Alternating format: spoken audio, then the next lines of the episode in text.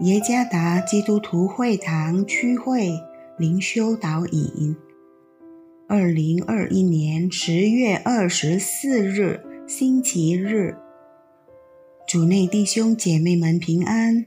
今天的灵修导引，我们要借着圣经《阿摩斯书》第五章二十一到二十七节来思想今天的主题。符合他价值观的敬拜。作者合成里传道，阿摩斯书第五章二十一到二十七节：我厌恶你们的节期，也不喜悦你们的严肃会。你们虽然向我献燔祭和素祭，我却不悦纳，也不顾你们用肥畜献的平安祭。要使你们歌唱的声音远离我，因为我不听你们弹琴的响声。唯愿公平如大水滚滚，使公义如江河滔滔。以色列家啊，你们在旷野四十年，岂是将祭物和供物献给我呢？你们抬着为自己所造之摩洛的帐幕和偶像的龛，并你们的神心，所以我要把你们掳到大马色以外。这是耶和华名为万军之神说的。以下是约翰加尔文根据阿摩斯书。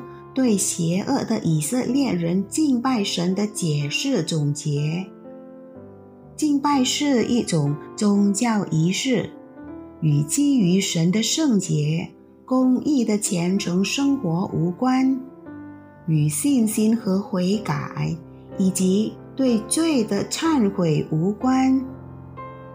敬拜只是一种宗教锻炼，而不是属灵锻炼。敬拜只谈论表面的辉煌，不在乎内心的邪恶。敬拜不需要爱上帝和爱人。上帝希望以色列人的敬拜符合他国度的价值观，即爱他，活在他的圣洁中，并且以公平和公义来爱他人的心。第二十四节，但事实并非如此。他们使用这世界的价值观来敬拜上帝。一方面，他们仍然只在表面上敬拜上帝，在他们的每次宗教庆祝活动中献上燔祭、祭品、平安祭。歌曲和音乐，他们如此做的目的，乃是为了维持他们作为上帝子民的地位，也为了仍然得到上帝的祝福。但另一方面，他们也敬拜假神，例如摩洛和堪。第二十六节，摩洛是亚述战神的形象。看是巴比伦新神的形象。他们敬拜这些假神的目的是为了仍然能够自由的犯罪，这就是试图将两个相互矛盾的部分，即上帝和众假神结合起来的敬拜沉沦主义。他们并没有爱和遵从上帝的心，因此影响了他们对他人不良的关系。他们操纵、欺骗、夺取他人的权利等等。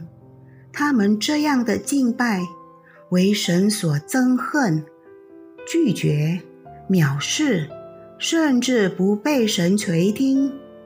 二十一到二十三节，在基督耶稣里创造和拯救我们的上帝，希望我们的敬拜符合他国度的价值，即爱他、活在他的圣洁中，并且以公平和公义的行为来爱他人。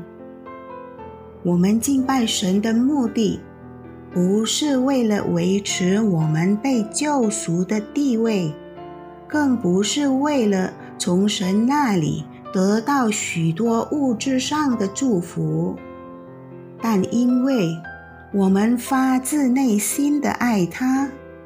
尊崇他，我们对他的敬拜也将与我们透过顺服他的话语，一天天的更新我们的心有密切关系。我们不再享受罪，而是享受公义和他的圣洁。这对我们与他人的关系有积极的影响。我们的存在是为了塑造他人的生活，而不是操纵、欺骗、夺取权力、伤害他们。这就是符合神国度的价值观的敬拜。爱神、爱人是神国度的价值观，是成为敬拜神的重要基础。主耶稣赐福。